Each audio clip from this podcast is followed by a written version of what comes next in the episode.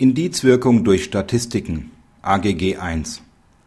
Eine Vermutung für eine geschlechtsbezogene Diskriminierung folgt nicht allein daraus, dass in den oberen Hierarchieebenen des Arbeitgebers ein deutlich geringerer Frauenanteil vorliegt als im Gesamtunternehmen oder dass der Anteil von Frauen in vergleichbaren Hierarchieebenen anderer Unternehmen höher ist. Die Arbeitnehmerin ist als Personalleiterin bei dem Arbeitgeber beschäftigt. Ihr Vorgesetzter ist der übergeordnete Personaldirektor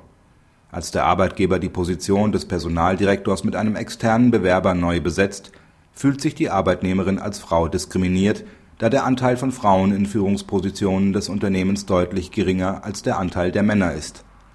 Die Belegschaft des Arbeitgebers setzt sich zu 31 Prozent aus Männern und zu 69 Prozent aus Frauen zusammen. Im außertariflichen Bereich arbeiten etwa zwei Drittel aller Männer und ein Drittel aller Frauen die Arbeitnehmerin klagt auf Entschädigung und Schadensersatz wegen entgangenen Gehalts. Dieser Klage gibt das LAG statt. Die Entscheidung wird vom BAG aufgehoben und zur erneuten Verhandlung an die Vorinstanz zurückverwiesen. Das BAG beanstandet insbesondere die Begründung der Vorinstanz, die eine unzulässige Diskriminierung aufgrund der von der Arbeitnehmerin vorgelegten Statistiken gemäß § 22 AGG angenommen hatte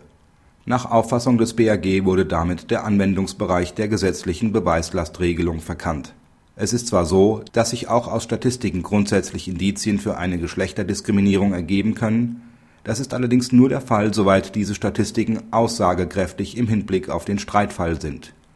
Die von der Arbeitnehmerin aufgestellte Behauptung, dass eine gläserne Decke zwischen der Abteilungsleiterebene und der Direktorenebene bestehe, ist insoweit mit den vorgelegten Statistiken nicht belegt Darüber könnte allenfalls eine statistische Betrachtung der Beförderungspolitik des Arbeitgebers Aufschluss geben, soweit sie gerade diese beiden Hierarchieebenen betrifft.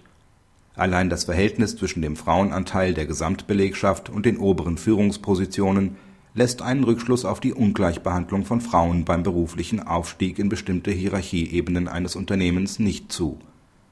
um beurteilen zu können, ob signifikant weniger Frauen als Männer die Hierarchiestufe oberhalb einer angenommenen gläsernen Decke erreichen, bedürfte es der Feststellung, wie viele Frauen überhaupt unterhalb dieser Decke angenommen sind. Allein der Umstand, dass ein genügend großes Reservoir an Frauen auf sämtlichen unteren Hierarchieebenen vorhanden ist, sagt nichts über die konkrete Beförderungspolitik des Arbeitgebers aus Außerdem besteht nicht für jeden Inhaber der Position einer niederen Hierarchieebene objektiv betrachtet eine Beförderungsmöglichkeit. Auch aus den Vergleichszahlen anderer Unternehmen lässt sich für den Streitfall keine Vermutung einer Diskriminierung ableiten, da die insoweit von der Arbeitnehmerin vorgelegten Zahlen andere Branchen und andere Berufsgruppen umfassen. Auch der Umstand, dass es möglicherweise seit 30 Jahren keine Beförderung einer Frau zur Direktorin bei dem Arbeitgeber gegeben hat ist für sich genommen nicht aussagekräftig, solange nicht feststeht, in welchem Umfang es überhaupt externe oder interne Bewerbungen von Frauen auf derartige Stellen gegeben hat. Ob sich aus dem sonstigen Verhalten des Arbeitgebers gegebenenfalls eine Diskriminierung ableiten lässt, muss die Vorinstanz noch aufklären. Praxishinweis Mit der vorliegenden Entscheidung hat das BAG eine der zentralen Anwendungsfragen des § 22 AGG mit Augenmaß entschieden